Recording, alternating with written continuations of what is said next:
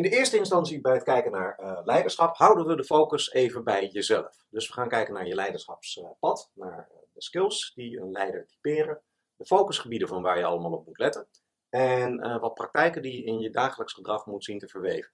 dus we kijken nog niet naar, het, naar de verbinding met anderen, maar puur naar jezelf. En waar begint het mee met jou als leider? Nou, het begint ermee dat je überhaupt nog geen leider bent, want niemand wordt als leider geboren. Dus uh, er bestaat een, uh, theorie, Theory U van uh, Otto Scharmer, en die beschrijft eigenlijk het pad dat je doormaakt als je een authentieke leider wilt worden. Dus niet gewoon iemand die per ongeluk in de top van een bedrijf terechtkomt, maar iemand die eigenlijk leiderschap over zijn eigen leven ontwikkelt en zijn bestaansreden ontdekt en daar eigenlijk activiteit mee begint te ontwikkelen. En dat uh, gaat via een uh, pad, uh, zoals hij dat beschrijft, het U-pad. En hierin zou je kunnen zien, dit is de U. En de linkerhelft heeft te maken met de zoektocht. En de rechterhelft heeft te maken met het materialiseren van de bevindingen. En aan de top van de U let je vooral op dingen aan de oppervlakte en besteed je daar aandacht aan. Halverwege zit je op een dieper niveau van verkenning in jezelf. En op de bodem van de U zit je op het diepste niveau van innerlijke groei. En hij beschrijft langs dat pad van die U, beschrijft hij um, in vijf hoofdgroepen van wat er gebeurt. In totaal 21 activiteiten uh, of stadia die je door moet gaan. Maar laten we niet zo diep gaan, laten we het eventjes houden op uh, die vijf hoofdgroepen. En de eerste is dan aan de oppervlakte, luister goed naar waar het leven en anderen jou toe oproepen eigenlijk in je leven. Hè? Dus luister waar jij blijkbaar meer dan anderen uh, goed in bent. Nou, dat moet je verder willen verkennen. dus bezoek dan plekken waar je van kan leren, in lijn met datgene waar jij blijkbaar meer voor bent, waar jij beter in bent. Um, luister dan heel goed naar de bevindingen. En als het even kan, ga dan al op zoek naar peers, naar gelijken, um, met wie je datzelfde kan doen, hè, zodat je elkaar daarin versterkt. Derde stadium is dan uh, reflecteer en laat die innerlijke ontwikkeling groeien.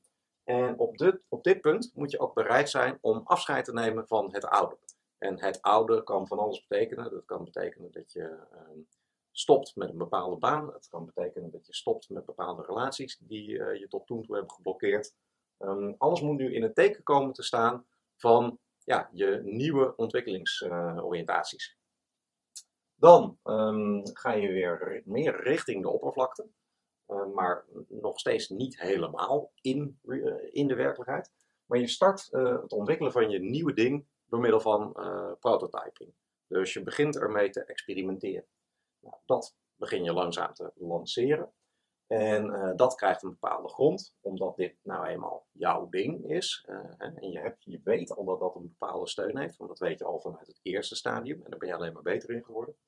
Um, uh, materialiseer dat en bouw vervolgens voort op de succesvolle onderdelen van die door jou nieuw gecreëerde realiteit. Nou, klinkt allemaal vrij simplistisch, maar er gaat een heel dik boek achter schuil met heel veel gedetailleerde stappen. En er zit wel een bepaalde logica in omdat de meeste mensen in het leven natuurlijk gewoon maar ergens belanden. Veel mensen belanden min of meer willekeurig in een studie. Dus voor heel veel mensen geldt dat het helemaal niet om hun diepste passie gaat. Maar vanuit een bepaalde studie uh, rollen ze in een bepaald bedrijf. En zo hobbelt het leven gewoon verder. Hetzelfde zou je zelfs kunnen zeggen van allerlei vormen van relaties in de sfeer van liefde en vriendschap die ze aangaan. En theorie U zegt, um, ga daar nou eens wat bewuster mee om. Dus uh, daar, zit, daar zit wel een bepaalde logica in. En wat naast die 21 stappen doorlopend van belang is, dat zijn deze drie dingen, namelijk de kwaliteit van jouw eigen aandacht en je intenties. Dus je moet uh, heel dicht bij jezelf blijven en nou ja, op de meest zuivere manier inzitten. Je moet daarbij echte relaties willen aangaan. en je moet eigenlijk continu de beste versie van jezelf willen neerzetten in dit hele pad. Nou, dat is theorie U, dus dat is je pad naar leiderschap. Nou, wat zijn dan leiderschap skills? Dus wat kunnen deze mensen blijkbaar? En dan blijkt het dat ze vier skillsets uh, in opmerkelijke zin hebben. Ze hebben verstand van zaken. ze zijn conceptueel, ze zijn uh, bedachtzaam en goed in omgang met uh, mensen en ze zijn erg gedreven. Dus ten aanzien van verstand van zaken, ze zijn intelligent, ze hebben know-how, ze hebben een scherp oordeel over dingen en scherpe, scherpe redeneringen. Dus ze weten hun ding. Ten aanzien van dat conceptuele, ze hebben ideeën, eh, ze hebben het overzicht op dingen en ze, ze, kunnen het een aan het ander relateren, ook al lijkt het misschien niet zo heel veel met elkaar te maken hebben. Ze kunnen ze op een hele brede manier en in hele uh, gevarieerde manieren denken.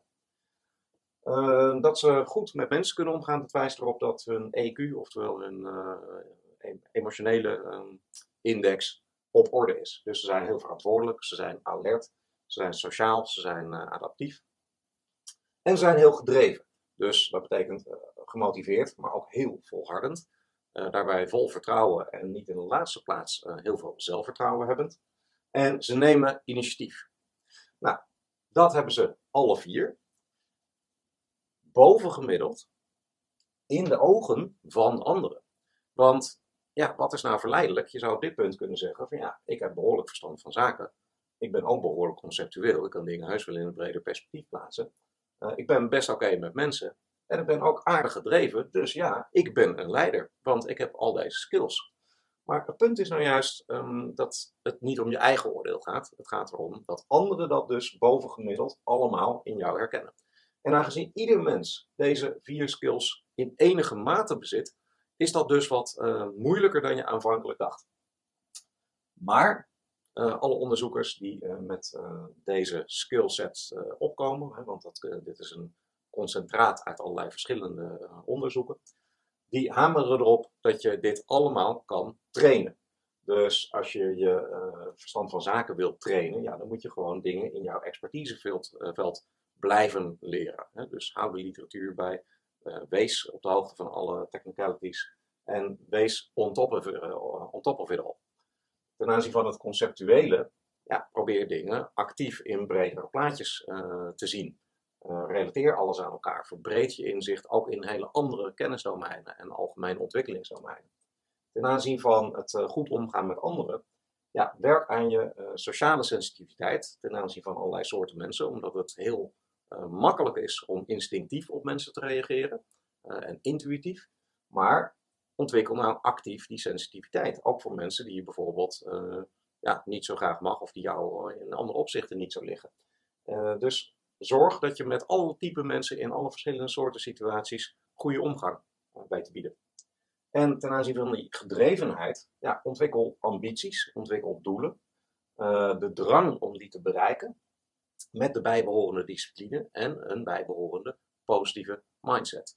Dus dit zijn uh, vier skillsets die je allemaal kan ontwikkelen. Nou, en zodra anderen dat dus uh, bovenmatig in jou beginnen te herkennen, dan begin je meer een profiel te krijgen van een leider. Nou, dan hebben we nog de vraag, waar let je als leider allemaal op? En hier kunnen we gebruik maken van het raamwerk van Quinn. En dat uh, draait om twee assen, namelijk de as waarin je, de as met flexibiliteit en stabiliteit. En dat moet je eigenlijk een beetje zo zien als meebewegen met uh, wat volgens anderen en volgens de wereld at large een goed idee lijkt. Uh, versus ja, op orde houden wat uh, voor jou belangrijk is om op orde te houden. En dat heeft een component binnenin een bedrijf en dat heeft een component naar buiten toe. En dat opent eigenlijk vier um, windows op waar je op moet letten. Dus ten aanzien van meebewegen met uh, de wereld en met uh, iedereen die zich buiten het bedrijf begeeft, moet je een groeioriëntatie willen hebben. Dus je moet uh, mensen goed willen bedienen, maar je wil ook dan innoveren en creëren. Dus je wil met je bedrijf dienstbaar zijn en bij voorkeur op doorlopend vernieuwende manieren om die doorlopende fit te kunnen blijven maken. Dat is je groeioriëntatie naar binnen toe meebewegen met uh, wat een goed idee lijkt uh, volgens anderen, dat is je mensoriëntatie. Dus daarin probeer je actief mensen te stimuleren, je probeert uh, samenwerking te bevorderen. Nog steeds binnenin een bedrijf, maar nu de focus op dingen onder controle houden en op orde houden, ja, dan krijg je de controloriëntatie. Dus daarbij beoog je om de stabiliteit van het bedrijf te borgen en daarbij beoog je om harmonie te houden via um, ja, goed, goede organisatiestructuur, via goede managementpraktijken. En dingen op orde houden naar buiten toe. Dat leidt tot um, borgen dat je goede prestaties boekt met een bedrijf. Dus je moet goede resultaten halen. dus je moet presteren en je moet daarin concurrerend zijn. Nou, nu herkennen veel mensen in zichzelf één prototypisch, één prototypisch kant. Dus mensen zien zichzelf bijvoorbeeld als een typische innovator of een typische manager of een typisch mensenmens of een uh, typische uh, prestatiejager. Maar het punt van Quinn is dat hij zegt: van, ja, dat is allemaal prima dat je die natuurlijke smaak en die natuurlijke voorkeur hebt. Maar het is geen kwestie van keuze, hè, want het is een compleet spectrum van op orde houden en meebewegen en naar binnen en naar buiten willen kijken. Dus wat Quinn hiermee doet, is het voorkomen van mogelijke blinde vlekken. Dus wat je eigenlijk zou moeten willen, is dat je een evenwichtige uh, oriëntatie op al deze vier velden krijgt. En als je een bias krijgt op één van die velden, wat dus veel mensen heb, hebben, dan krijg je ook um, prototypische um, bedrijven met een bepaalde bias. Dus als je voornamelijk hierop let als bedrijf en de rest eigenlijk een beetje verontachtzaamt, dan, uh, dan krijg je zeg maar de, eternal start-up, de eeuwige start-up. Uh, je bent altijd bezig met uh, nieuwe dingen in gang zetten. Um, en dat kan heel leuk zijn, maar dan mis je dus wel bepaalde andere oriëntaties. Als je hier de dominante focus op hebt, dan word je een soort van community-achtige organisatie of een clan-achtige organisatie. Waarin mensen maar de hele dag oog voor elkaar zitten te hebben, maar dus een aantal dingen buiten beschouwing laten. of in ieder geval minder belangrijk vinden. Als hier de bias ligt, ja, dan word je een bureaucratie, waarin het systeem belangrijker wordt dan al het andere. En als je hier een bias op hebt, ja, dan krijg je de target uh, champs. Dus die vinden eigenlijk alleen maar uh, prestaties in de markt belangrijk. En de rest, hoe je er komt en het welzijn van de mensen en wat je verkoopt, dat doet er eigenlijk allemaal minder toe. Dus uh, waarschijnlijk herken je al die prototypische biases wel bij verschillende bedrijven om je heen.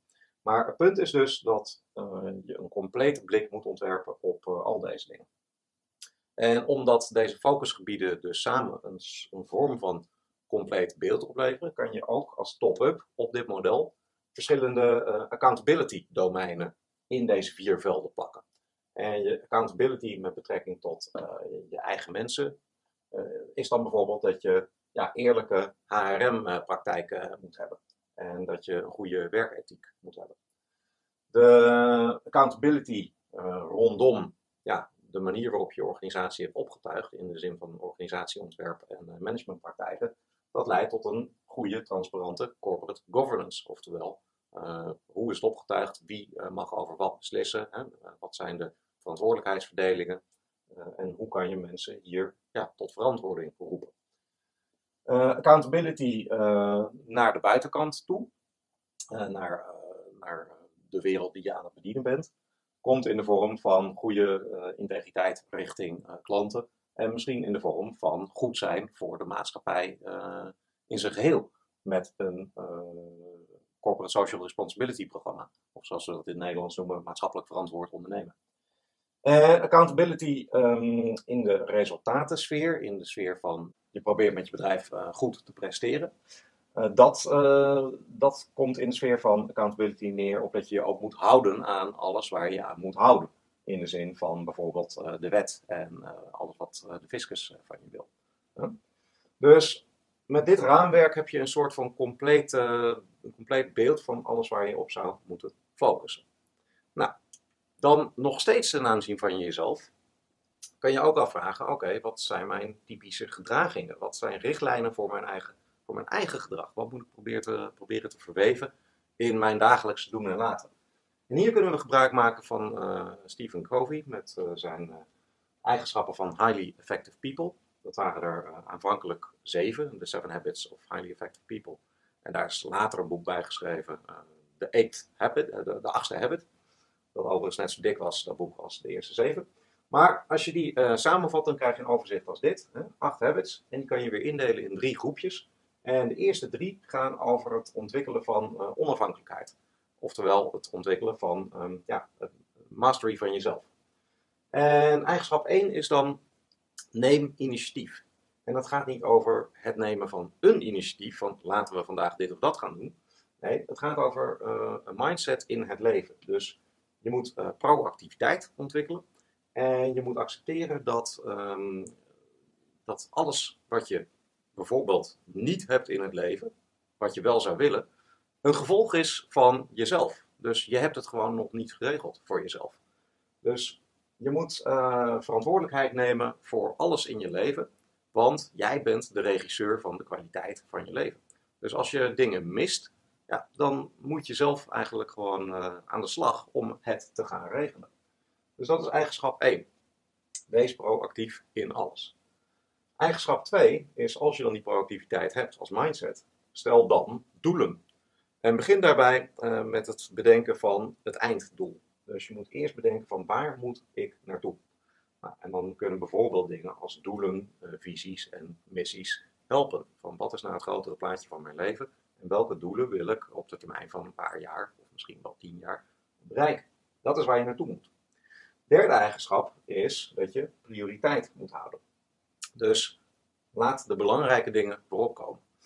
En deze eigenschap haakt erop uh, in dat het leven eigenlijk gewoon een doorlopende verstoringsbron is. Dus er komt de hele tijd van alles op je pad dat uh, gaat interfereren met het behalen van die doelen. En het is dus zaak om je daarin niet gek te laten maken en te zorgen dat je prioriteit houdt en focus houdt op die doelen. Nou, als je dit op orde hebt, dan ben je soort van independent. Hè? Dus dan heb je self-mastery. Een tweede groepje is dat je interdependentie gaat ontwikkelen. En dat gaat over gezamenlijke mastery. Dus mastery over jou in combinatie met een bepaalde groep, in combinatie met anderen. Dus de vierde eigenschap is deel. En uh, daarbij moet je gewoon leren win-win te denken. Dus niet alleen jij moet een voordeel uit een bepaalde interactie halen, maar de ander ook. Dus je moet naar uh, voordeel voor allen proberen te zoeken in interacties. Omdat het heel gemakkelijk is om, als jij zeker in een zakelijke context je zin uh, hebt gekregen, om weg te lopen. Maar het idee is dat je heel actief gaat stilstaan bij van, wacht even, wat heeft de ander eigenlijk aan deze interactie gehad? Uh, en dat je dat gaat opzoeken. Dan is eigenschap 5, uh, communiceer. En de richtlijn daarbij is dat je eerst de ander moet willen begrijpen, voordat je jezelf zo nodig wilt laten begrijpen. Dus heb een goed oor voor wat anderen te zeggen hebben. En, daarmee creëer je openheid en goede wil bij anderen. En je moet durven samenwerken. En die durf zit hem erin dat je de synergie moet willen en durven opzoeken. En dat betekent eigenlijk dat je je eigen zwakten moet durven laten bestaan in de aanwezigheid van anderen die dat kunnen opvangen.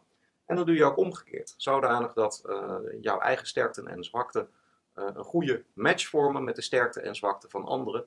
En dan ben je echt um, elkaars krachten aan het benutten. En dat is het echte ja, synergizen met uh, mensen. De laatste twee gaan over het um, ja, optrekken van jezelf en van anderen. Dus de zevende eigenschap is ontwikkel, blijf ontwikkelen. Dus Covey noemt dat sharpen the saw. Want je kan in alles doorlopend verbeteren. Dus het hele proces van beter worden in je gedragingen is nooit af. Dus je kan altijd je houding, je energie, de balans van waar je aandacht in besteedt in het leven, doorlopend verbeteren. En hier kun je ook doorlopend in verbeteren. En de sloteigenschap, die dus later er is bijgeschreven, is wees hierin voorbeeldstellend. Dus um, dat is de weg naar greatness. Dus vind je eigen voice. En dat kun je eigenlijk weer zien als wat we hebben gezien bij Theorie U. Dus waar roept het leven jou in het bijzonder voorop en waar kan jij ontzettend goed in worden? Um, en inspireer anderen om dit ook te gaan doen. Zodanig uh, dat je aan anderen laat zien dat het een keuze is om um, ja, echt uh, uh, leiderschapsachtige kwaliteiten te gaan ontwikkelen in alles. Dus dat zijn de acht habits die je eigenlijk in al je dagelijkse gedragingen kan verweven. En dit is zo'n beetje alles wat er te zeggen is, in ieder geval de belangrijkste dingen, over de focus op jezelf als leider.